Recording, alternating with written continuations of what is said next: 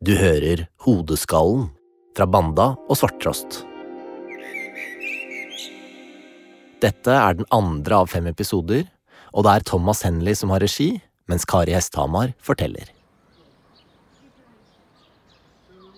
Oslo, Blindern, 23. mai 2010.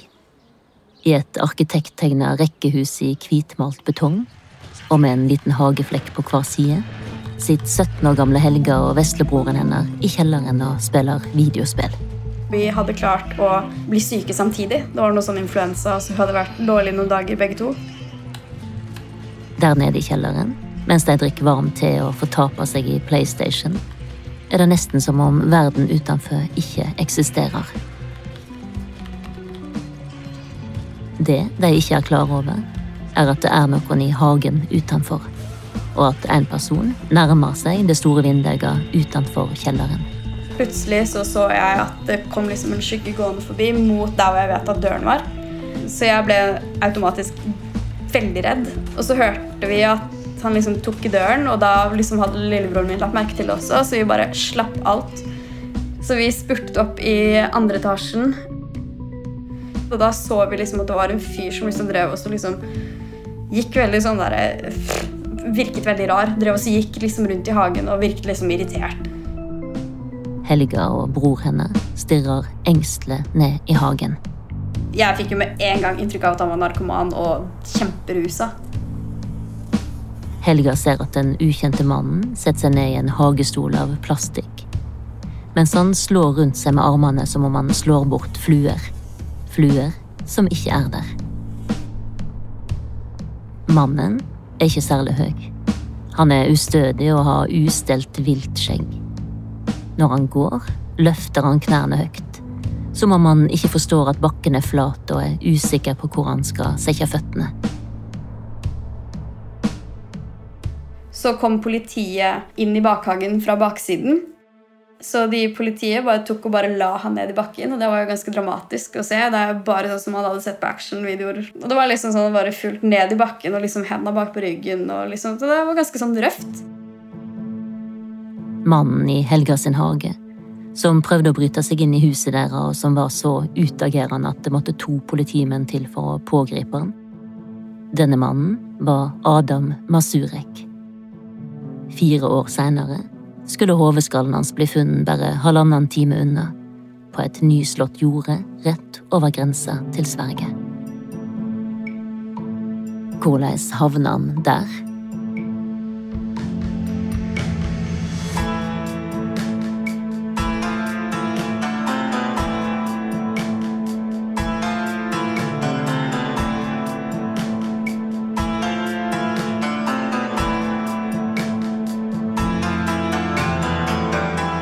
Du lytter til Hodeskallen, episode to, Adam og maurene.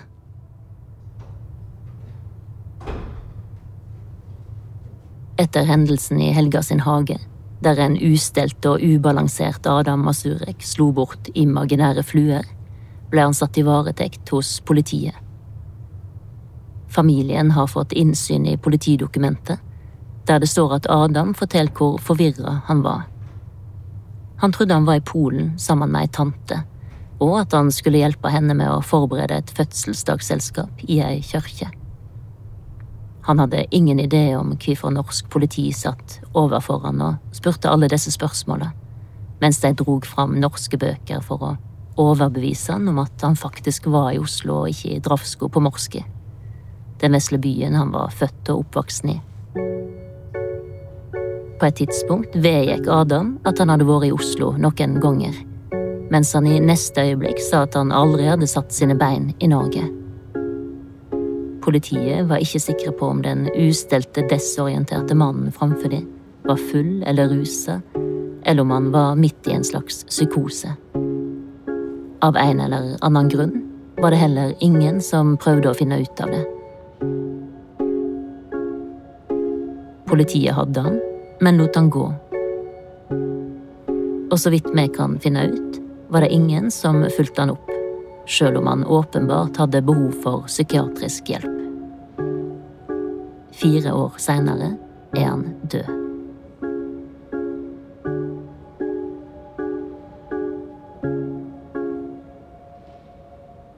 Hva var grunnen til at polske Adam Masurek var i både Norge og Sverige ved minst to anledninger?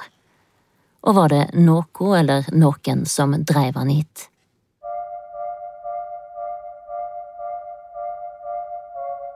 Politistatistikker viser at mellom 17 og 20 000 mennesker blir borte i Polen hvert år. Rundt 2000 av disse blir aldri funnet. På bakgrunn av dette har Polen oppretta Itaka, en organisasjon som arbeider med å finne igjen polakker som har forsvunnet. Inne på nettsidene til Itaka er det bilder av ansikt etter ansikt. Unge, eldre, kvinner og menn midt i livet.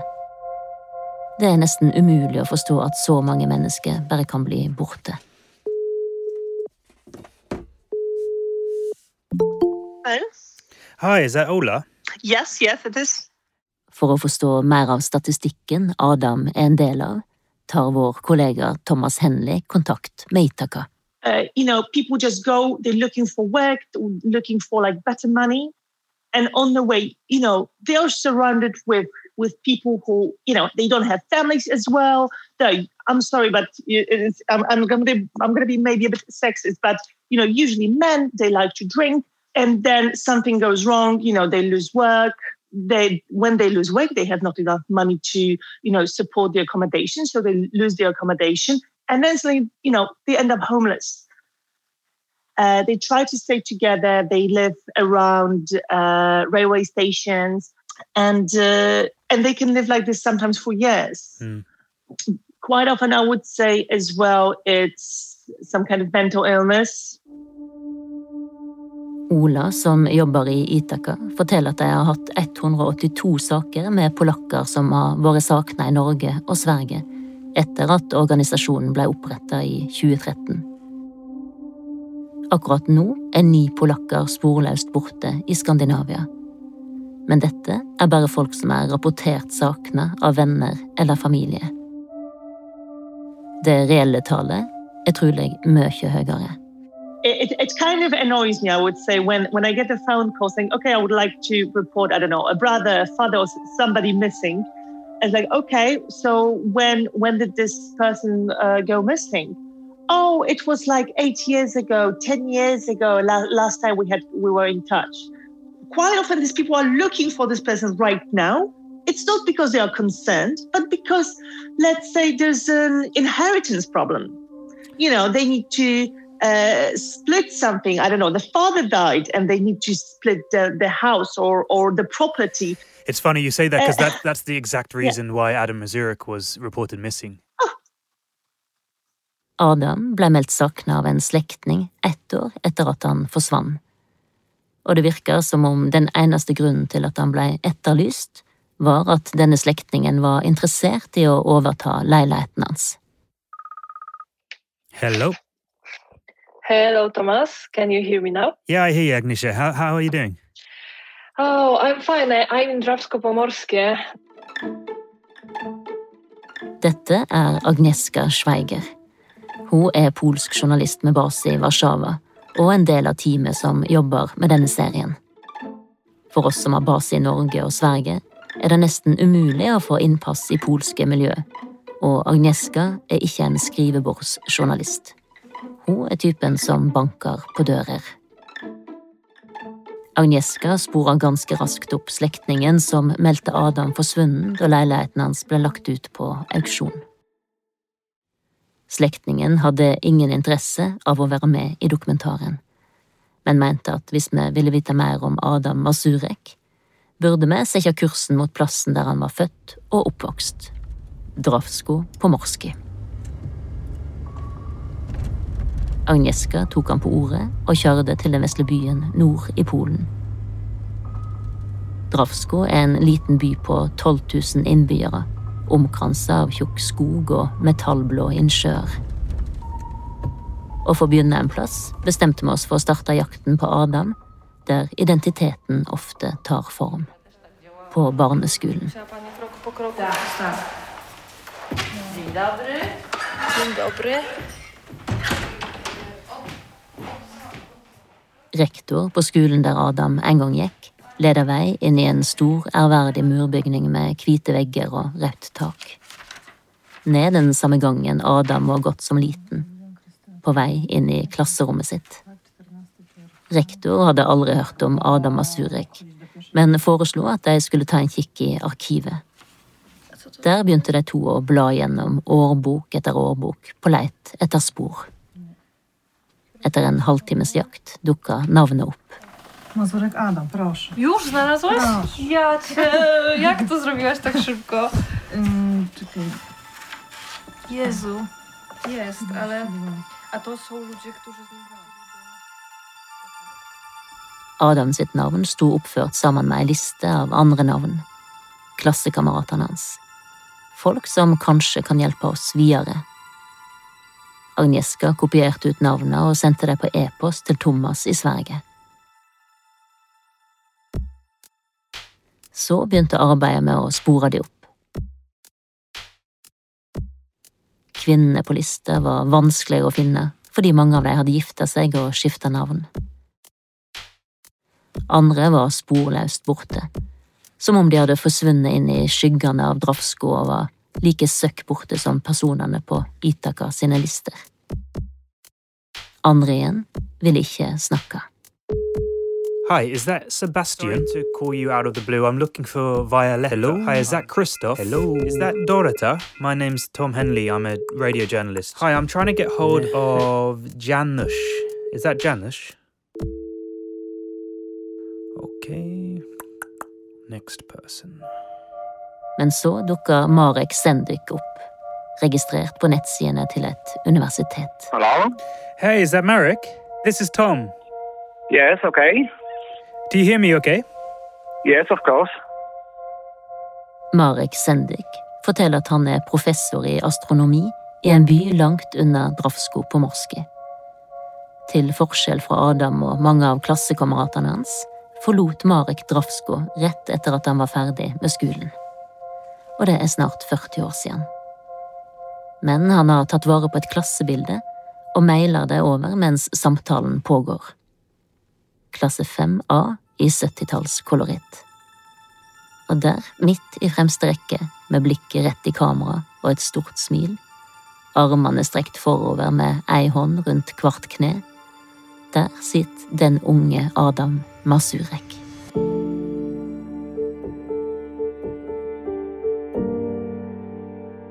Han ser glad ut, åpen og rein sånn barn kan se ut før livet begynner å sette spor. I mørkerød genser med vedhals og med hvit skjorte inni. Minstegutt på fremste rekke.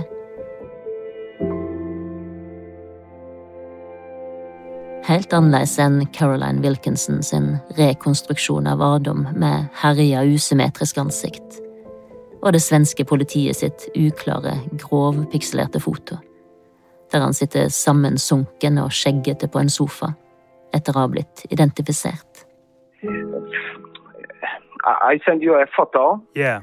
If you see some X on uh, his colleagues, I probably don't like them very much. Okay, so you you've sent the me a you, you've sent me a photo here of uh, the class 5A. Ved sida av Adam sitter to gutter med kort pannelugg og strikka genser. Begge har fått rissa hver sitt kryss over ansiktet. You've scratched some X's over some faces because you didn't like these people, is that right? Yeah, yeah. Adam sitt ansikt er urørt. I remember him uh, because I, I had I had some kind of duel with him. En dag på skolen hadde Adam, ifølge Marek, yppa til slåsskamp. De var rundt 13 år og ville se hvem som var den sterkeste av dem. Marek forteller at Adam var en del av en liten gjeng på tre som var berykta for å lage bråk og få mobba andre elever. En dag hadde Adam, som var liten og spinkel, sagt at han ville slåss mot Marek. Kanskje var det for å hevde seg. Så de to møttes til en slags duell etter skolen. Marek hevder at han bare dytta Adam noen få ganger, og at Adam ga opp uten å yte motstand. Det var det, kampen over, ingen skader. Etter denne seansen lot Adam Marek i fred. And later he was uh, quite friendly, as I remember. Etter slåsskampen var Adam alltid snill med Marek. Da de var ferdige med skolen, forlot Marek Drafsko, mens Adam ble igjen, og de to mista kontakten med hverandre. Faktisk hadde ikke Marek tenkt på Adam på flere år, før vi ut av det blå tok kontakt og fortalte at han var død. I didn't, ex didn't expect such fact. Hør mer etter pausen. Podkasten er sponsa av Gjensidige. Når vi ser på statistikken over det som er blitt bevist forsikringssvindel, så ser vi at eh, den skiller seg litt fra den vanlige kriminalstatistikken. Det er bl.a. flere kvinner som begår forsikringsbedrageri, enn det er kvinner i kriminalstatistikken generelt. Da. Eh, så det ser ut som hvem som helst er villig til å begå forsikringsbedrageri når de er i en situasjon der muligheten eller eh, behovet byr seg. Da. Du hører Vera Sønstagen. Hun er utdanna politi og leder avdelinga som jobber med å etterforske og forebygge forsikringssvindel i Gjensidige. Altså, forsikring handler om fellesskap. Det er litt sånn som eh, velferdsstaten. Vi betaler inn eh, skatt, eller vi betaler inn forsikringspremie til et fellesskap, sånn at vi har en sikkerhet hvis vi skulle komme i en situasjon der vi trenger det. Eh, så det å melde inn et krav du egentlig ikke har krav på, det er å stjele fra den felles sparekassen. For Vera er det viktig å informere om at svindlere løper en stor risiko. Men viktigst av alt er det å bygge tillit mellom Gjensidige og kunden. Tillit er et eh, helt sånn grunnleggende fundament i forsikring, og vi er avhengig av at alle kundene har tillit til at eh, vi utbetaler bare riktig erstatning. Så det å være med og bidra til å opprettholde den tilliten, det motiverer meg veldig. Og så tenker jeg jo at det er jo mange som eh, er i en utrolig vanskelig situasjon når de begår forsikringssvindel, og det å kunne hjelpe dem ut av en vanskelig situasjon med æra i behold, da. Eh, det tenker jeg er utrolig motiverende både for meg, men også for alle utrederne som er ute og møter de her menneskene. Gjensidige har sikra liv, helse og verdier i over 200 år. Vil du bli en av oss? Sjekk ut gjensidige.no jobb.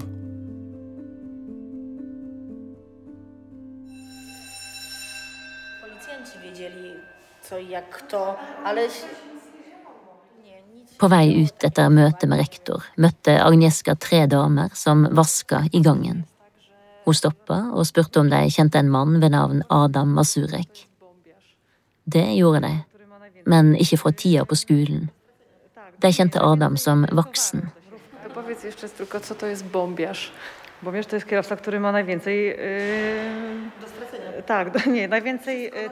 De visste hvem han var, fordi Adam var en kjent smugler.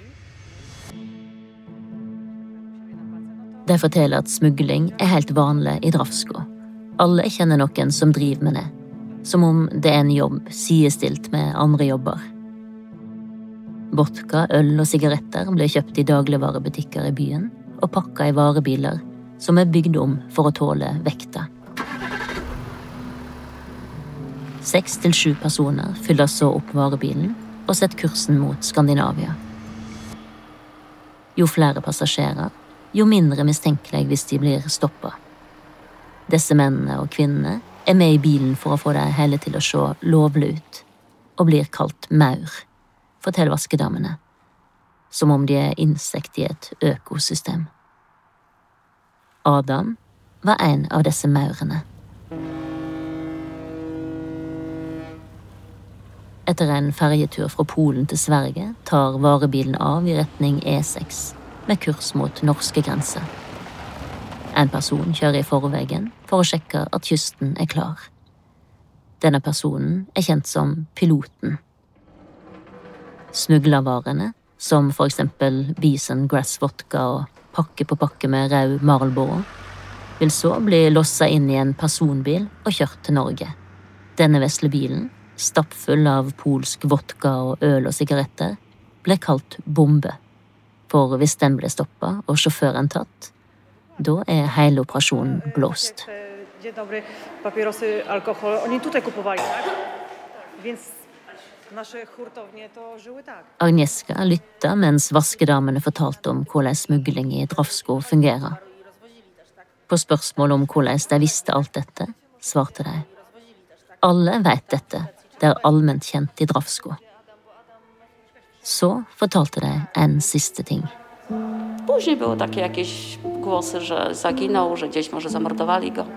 Det hadde gått rykte på byen om hva som hadde skjedd med Adam. Rykte om at han var blitt drept. Da Agnieszka spurte de hvem som kunne ha drept Adam, og hvorfor, lo en av vaskedamene og sa at kanskje det var noen som hadde reist med samme bil som Adam, som hadde gjort det. Kto mógłby to zrobić? Nie wiem. Nie wiem, no różnie, może z tymi, co jeździł, może, może coś. No też on tam nieraz się śmieli, że jakąś orientację inną miał. Er noe av dette sant? Og hvis så, er dette grunnen til at restene av Adam ble funnet i ei grøft på grensa mellom Norge og Sverige? Fra informasjonen Agneska fikk ut av arkiver på Adam sin gamle skole, vet vi at han gikk ut av skolen i 1982. På det falma fotoet av klasse 5A så de så små og forventningsfulle ut. Marek, han som Adam var i slåsskamp med, og som senere forlot byen og ble professor, hadde fortalt at en av de to barna med kryss over ansiktet tok livet sitt. Den andre gutten med utkrysset ansikt vil ikke snakke med oss når vi tar kontakt. Hvis det er sant at Adam virkelig var en smugler, hvordan så veien som førte han dit, ut? Oh, in 1982, it was a, a very difficult time in Poland because uh, it is a time of, uh, of the martial law. Erik Krasjuski er lærer i historie, født og oppvokst i Drafsko på Morske. Erik forteller at i 1982, da Adam slutta på skolen, var Polen midt i et politisk kaos. Den sittende kommunistiske regjeringa forsøkte å slå ned på all politisk motstand. Streiker og demonstrasjoner ble stoppa nesten før de kom i gang. Erik beskriver det som ei tid full av håpløshet. Because this is a time when we have problems with a lack of goods on the market, often basic goods. Uh, in my opinion, this is a time of uh, not many perspectives for, for, for children, for the young people. For them, this was uh, the, the, it was a very difficult, uh, difficult moment. Et lyspunkt var at Nato hadde etablert en gigantisk militær treningsbase rett utenfor sentrum av Drafsko. Og uten denne treningsbasen hadde det knapt vært arbeid å finne i den vesle polske byen. Det viser seg at Adam Masurek klarte å skaffe seg jobb i fyrrommet i militærlæren. Utenom skolen og slektningen som foreløpig ikke ville snakke med oss, er militærlæren vårt neste håp.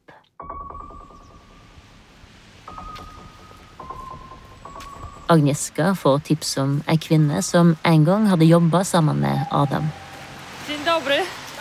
Ja wczoraj byłam w szkole i już mnie rozpoznano tutaj, że I woda taka, że głowa boli. No. A ja jeszcze poszłam teraz o... Ifølge denne kvinna, som heter Jadzia, var Adam mest kjent for å ha hengt sammen med en fyr ved navn Vladek Budny. Budny, budny, budny, tak.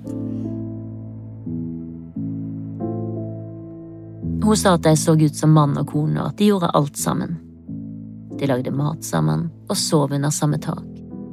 Men mest av alt drakk de sammen. Później jak ten Władek, bo on w ogóle też nadużywał tego alkoholu i kochana, jak ten Władek dostał tej padaczki alkoholowej, tak w którymś momencie... Ut fra det Jadzia forteller, skal historien ha vært som følger. Adam og hans bestevenn Vladek Budny begynte å drikke mer og mer. Så en dag dør Vladek, trolig av alkoholmisbruk. Selv om Adam flytter hjem til mora og bror sin, er han ensom etter at han har mista sitt næreste menneske i livet. Og ikke lenge etter, sier Jadzia, tar Adam vodkadrikkinga med seg på jobb i militærlæren, der han til slutt får sparken. Adam ender opp gatelangs i Drafsko på Morski, der han spør forbipasserende om de kan avse noen mynter. Alt dette skjer på 90-tallet, etter kommunismens fall, der byer som Drafsko på Morske var overlatt til seg sjøl og måtte seile sin egen sjø. Den arbeidsledige og alkoholiserte Adam Asurek var nå i 20-åra og befant seg altså vandrende rundt i en fattig og glemt småby, der han tigger etter mynt for å klare seg. På samme måte som de tre vaskedammene på skolen fortalte Jadzia at det var allment kjent at annenhver person i Drafsko hadde vært involvert i smugling på en eller annen måte, inkludert Adam Masurek.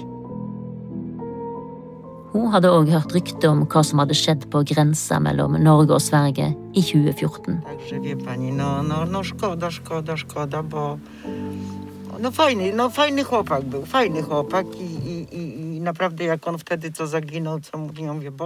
Hun sa at hun hadde hørt fra en person at Adam hadde vært med som maur, altså en som er med og fyller opp varebilene som skal til Skandinavia. Mange av de som hang rundt i byen uten arbeid, var enkle å rekruttere. Hvis en bil blir stoppa, kan maurene brukes som forklaring på hvorfor det er så mye sprit og sigaretter med. Lasten kan rett og slett fordeles på flere personer. Jadzia hadde hørt fra denne ene personen at Adam ble kasta ut av varebilen i Sverige. I så fall, hva kan ha skjedd? Andre hadde sagt at han ble kasta av ferja og lempa i havet. Det siste ryktet kan vi se bort fra, ettersom levningene etter han ble funnet på et jorde i Nesinge.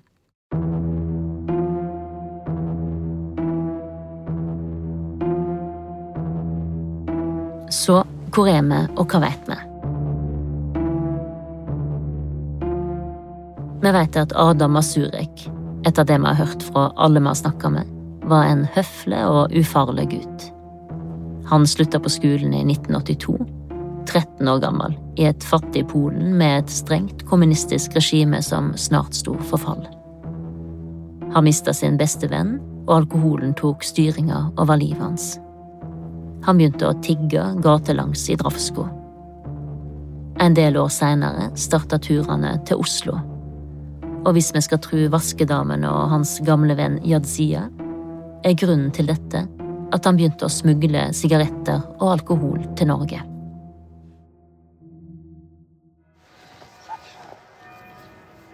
Agnieszka sitt neste stopp i Drafsko er Adam sin gamle leilighet, som ligger midt i sentrum. Alle blokkene i nabolaget ser helt like ut og er malt i en beige og gul-oransje fargepalett. Agnieszka prøver å styre mot riktig inngang. Det er lett å gå seg bort. Bor det fortsatt noen her som husker Adam? Hun ringer på dørklokka og introduserer seg sjøl for en av naboene. Dzień dobry, z tej strony Agnieszka Szwajgier, a ja szukam pana, który się nazywa Adam Mazurek. A Adam Mazurek nie żyje prawdopodobnie. No właśnie, czy mogłybyśmy dosłownie chwilę porozmawiać? Den eldre kvinna som står med døra på gløtt, er først engstelig og spør om Agnieszka er alene. men slipper henne til slutt inn.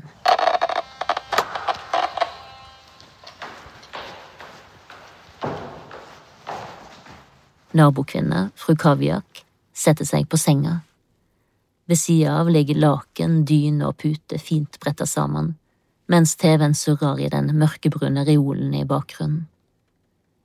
Fru Kaviak hører dårlig og ber Agneska gjenta spørsmåla sine, før hun til slutt forteller det hun vet om Masurek-familien. Om hvordan mor til Adam ble forkrøpla av leddgikt og ikke lenger klarte å ta vare på familien. Og at fru Kaviak sjøl pleide å lage mat og stelle for henne. No i ona przychodziła do mnie, bo ja, to była moja sąsiadka. Mama Adama? Przychodziła. Som alle andre Agneska hadde møtt så langt i Drafsko, husker fru Kaviak Adam som en stille og sjenert gutt. Fru Kaviak forteller at mor til Adam fikk alzheimer og ble flytta til en aldersheim. Hun døde i 2018 og hadde ingen anelse om at sønnen hennes var savna og død. No, no, no, ona nie widziała, tak ona nie kontaktowała i ona taka była tego. Far til Adam vet hun ingenting om. Så lenge fru Kaviak har bodd i denne blokka, kan hun ikke huske å ha sett ham. Da Agneska skal gå, forteller den spinkle kvinna på senga at ektemannen hennes en dag gikk ut av døra og aldri kom tilbake. Borte han også, akkurat som Adam. Dobra. Så forteller fru Kaviak noe som gir håp om flere svar. Adam sin bror, Uganic, er fortsatt i live. Så neste skritt blir å finne ham. Agnieszka tar kontakt med en lokal journalist, og det viser seg at Uganic er alkoholiker og en kjent skikkelse i bybildet i Drafsko på Morske. Dravsko er en liten by på ca. 12 000 innbyggere. Og det er en relativt enkel jobb for journalisten å spore opp adressen hans. Panie Eugeniuszu. Dzień dobry. Możemy chwilkę pogadać? Pan Eugeniusz. A tutaj czy na zewnątrz? Ja, wie pan co? Agnieszka har løpt nedover gata etter å ha fått øye på en småfull Oganichi, utslitt T-skjorte og nylonbukser. Idet han skal lukke seg inn i oppgangen, rekk Agnieszka rope Mr. Uganic før døra skal til å smelle igjen bak han. Hun springer bort til han og forteller at hun har sett etter han i lengre tid. Han svarer Her er jeg, kjære.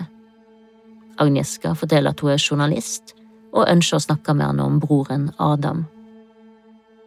Han foreslår at de skal ta praten inne, fordi kjæresten hans venter på han. A ten domek cały postawiłem od zera do góry. Z Norwegiem. De går inn i den enkle grå betongblokka og åpner døra til en leilighet som ligger på bakkeplan. Uganic tar Agneska med inn på kjøkkenet, som er lite og rotete med ølflasker på bordet. I stova innenfor ligger den gamle og sjuke mora til kjæresten hans og hviler. Uganic skjenker seg en vodka. Agnieszka spør han rett ut. Hvorfor var Adam i Norge og Sverige? Og er ryktet om at han smugler alkohol og sigaretter sanne?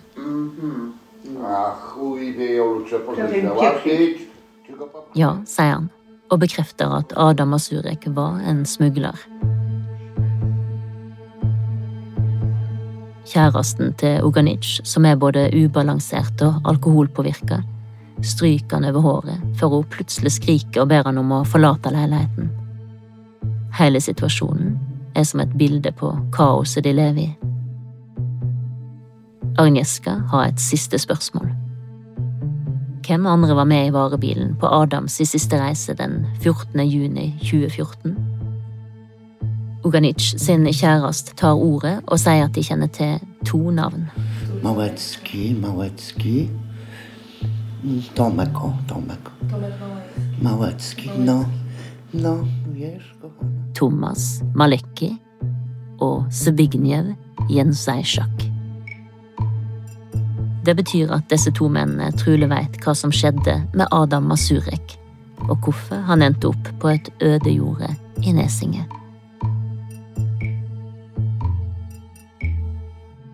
Tilbake i Warszawa begynte Agnieszka arbeidet med å spore opp de to mennene. Det viste seg ganske raskt at det skulle bli vanskelig å få til en samtale med dem. De er begge døde. Adam forlot Rafsko med seks andre menn i en varebil med kurs mot Norge. Sju menn i en varebil. Tre av disse sju er døde. Tre såkalte maur. Hvordan døde de, og er disse dødsfallene knytt til hverandre? Var alle i Oslo som Adam? Og kan det polske miljøet i Oslo hjelpe oss med å finne ut hvorfor Adam sin hodeskalle ble funnet ved grensa? Dette skal du få høre mer om i neste episode. Du har hørt andre episode av Hodeskallen fra Banda og Svarttrost. Regi og klipp er ved Thomas Henley.